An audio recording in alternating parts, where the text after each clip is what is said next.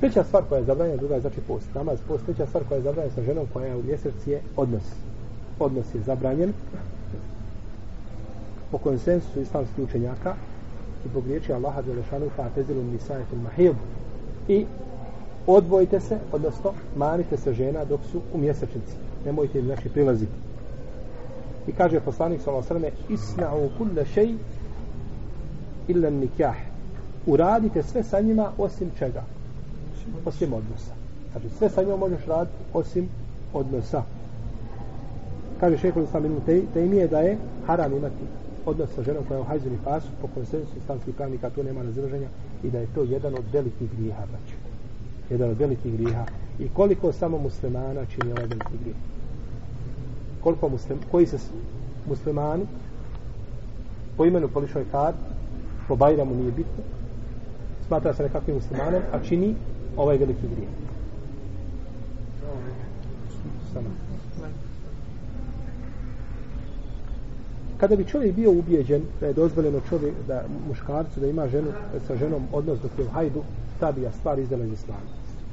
Znači kada bi on bio ubijeđen nakon što mu se pojasni ima dosta ljudi ne znaju ovaj propis i ovaj propisa koji mogu biti skriveni ljudima da je to konsensus u da nema razilaženja da nikad niko nije kazao suprotno i tako dalje i kad čovjek došao i bio ubijeđen i govorio da, da je ta stvar dozvoljena da to ne smeta to negiralo njegovu vjeru njegovima. Tako da ne smije nikako to čovjek znači smatra, nego mora to smatrati znači zabranjenim.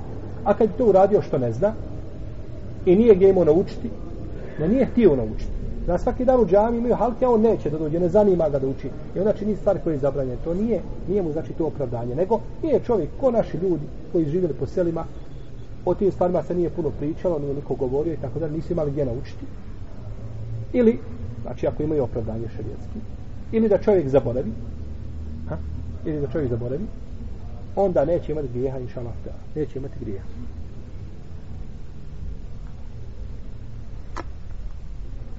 Ko uradi to namjerno, mora se, šta?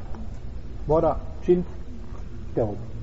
Teobu mora učiniti, jer učinio za velike grijehe nema ništa nego teoba. Velike grijehe ne mogu brisati druga dijela, dobra dijela, ne može. I namaz ne može izbrisati veliki grije. Veliki grije može izbrisati samo teoba. No, međutim, da se treba čovjek iskupiti pored toga? Tu je spor među ulemom.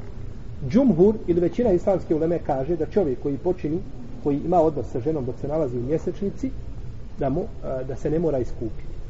Da se ne mora iskupiti. Dok kaže ima Mahmed, da mora iskupiti se. I to dokazuje hadisom u kome je poslanik sa osrame kaže za čovjeka koji to uradi je to sadaku bi dinarin e uniski dinar da će sadake koliko dinar ili pola dinara to na jedan zlatnik. Zlatnik koliko je vredio da se dadne, da se iskupi no, međutim ovaj hadis je po ispravnom mišljenju slab kaže imam neuvi u svome dijelu al minhaj to je komentar muslimovog sahiha tako zove njegovo dijelo al minhaj ili šerhu sahih muslim kaže وهو حديث ضعيف باتفاق اهل العلم i ovo je hadis slab po konsensu učenjaka ha? slab hadis no međutim ispravno je da nije baš tako nego da Hakim i Zahebi kaže da hadis je rodostojan i tako kaže i Bude Fikil od šafijskih pravnika i šeha Albani odabro ga da hadis je rodostojan međutim ispravno je da je slab ali nije po konsensu čega učenjak. To je razlika po konsensu. Različita se ulema. I mnoga druga. Ima Mahmed kad je pitan o ome hadisu, kaže, ne smeta da se radi po njemu. Ne smeta da se radi po njemu. Što znači da je bar dobar hadis kod njega. No, međutim, ispravno mišlja da ovaj hadis slab. I da ne treba čovjek da plaća šta? Kefare. Ali se mora pokajati. Morate obučiniti. Čovjek koji je zabranjen znači kada je da prilazi ženu, da ima sa njom samo, da ima odnos veliki dio uleme kažu ne smije doticati dio između pupka i koljena, to je zabranjeno. Međutim, ispravno je da, da je zabranjeno znači samo odnos. Znači, zabranjeno nije znači zabranjeno stidno mjesto dok nije zabranjeno da se naslađuje ostalim dijelama znači tijela. Zbog hadisa isma u kulli šein illa nikah. Džumhur uleme, braćo kažu ne može između pupka i kolja ne može ništa. Dok a, ne znam tačno koliko se sjećam da je to mišljenje Hanbelija mama Ahmeda i Hanbelija da može ono što je između osim stidog mjesta I s kim je hadis? S kim je dokaz? Sa Hanbelijama. Islam kuda še illa nikah Sve uradite osim odnosa. Znači, sve dozvoljava. I hadis drugi, koga bilježi Ebu Dawud koji je vjerodostojan, da su žene poslanika sa osam govorila kada bi Allahov poslanik htio nešto od žene koja je u hajzu, bacio bi, kaže, jedno platno preko njenog stidom mjesta. Znači, taj bi dio pokrio. A ostali dijelovi su čovjeku slobodni.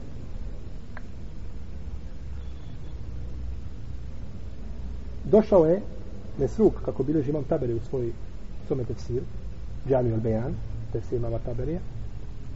To je, znači, tefsir u kome sve rivajeti, samo predaje. 15 tomova sve predaje. Imam tabera, imam e, taberi ga na pamet ljudima diktirao. Kaže, hoćete li da vam izdiktiram tefsir na 30.000 stranica? Pa kažu učenici njegovi, kažu, ne može mi to zapisati, 30.000 stranica u moći u pero, pa piši, pa u moći, pa piši, ne može, ne može stići. Kaže, dobro, onda ćemo, skratit ćemo ga, kaže, na 3000. Sa 30 na koliko? Na 3000. Pa ga je svega izdiktirao, dakle, iz glave. Sve predaje izdiktirao iz glave. I na 3000 stranica, jer da imao zapisan, ne breko, pišite ga. Nego bio zapisan i ostao bi. Pa su zapisali na 3000, ove štampan štampanu 15 tomova. Pa je rekao, hajte povijest zapišite, do 30.000 kažu. Život je kratak za to. Morali bi živjeti još, kažu, dobro na 3000. Pa je povijest, pa je danas njegov povijest, njegov tefsir među najvećim, najvećim najboljim povijestima koji su napisani tefsirima. A to vam je imam taber iskratio, nešto malo do iz svoje enciklopedije da znate. Kaže da je došao Mesruk kod Aisha radi Allah talana i kaže majko vjernika, ja bi tebe nešto pitao, ali kaže ja stidim. Pogledaj, kaže ja stidim. Kaže pitaj, ti si, ja sam kaže tvoja majka, ja sam majka vjernika, a ti si kaže moj sin, pitaj, sin majku pita.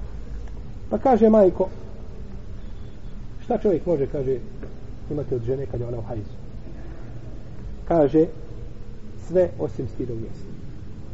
Sve osim stidog mjesta.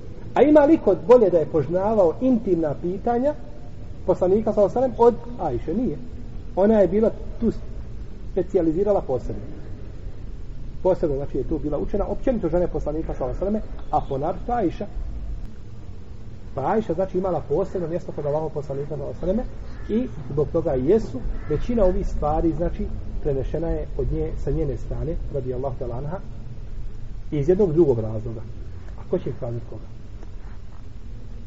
Zbog čega je Ajša prenijela više stvari o životu poslanika sa ve intimni ovih stvari od drugih žena. Pa svaka je imala po dan. I Ajša bilo pet, a drugima po pola, nego svaka je imala po dan. Ali zbog čega Ajša više prenijela od drugih žena? Bravo. Sent. Zato što je bila najmlađa i živjela je šta? Duže živjela, pa imala vremena da priča, da bude muftija, da, da govori i tako dalje. E, zbog toga je prenijela, znači, puno od poslanika sa osreme. I to je bio slučaj sa drugim, sa drugim ashabima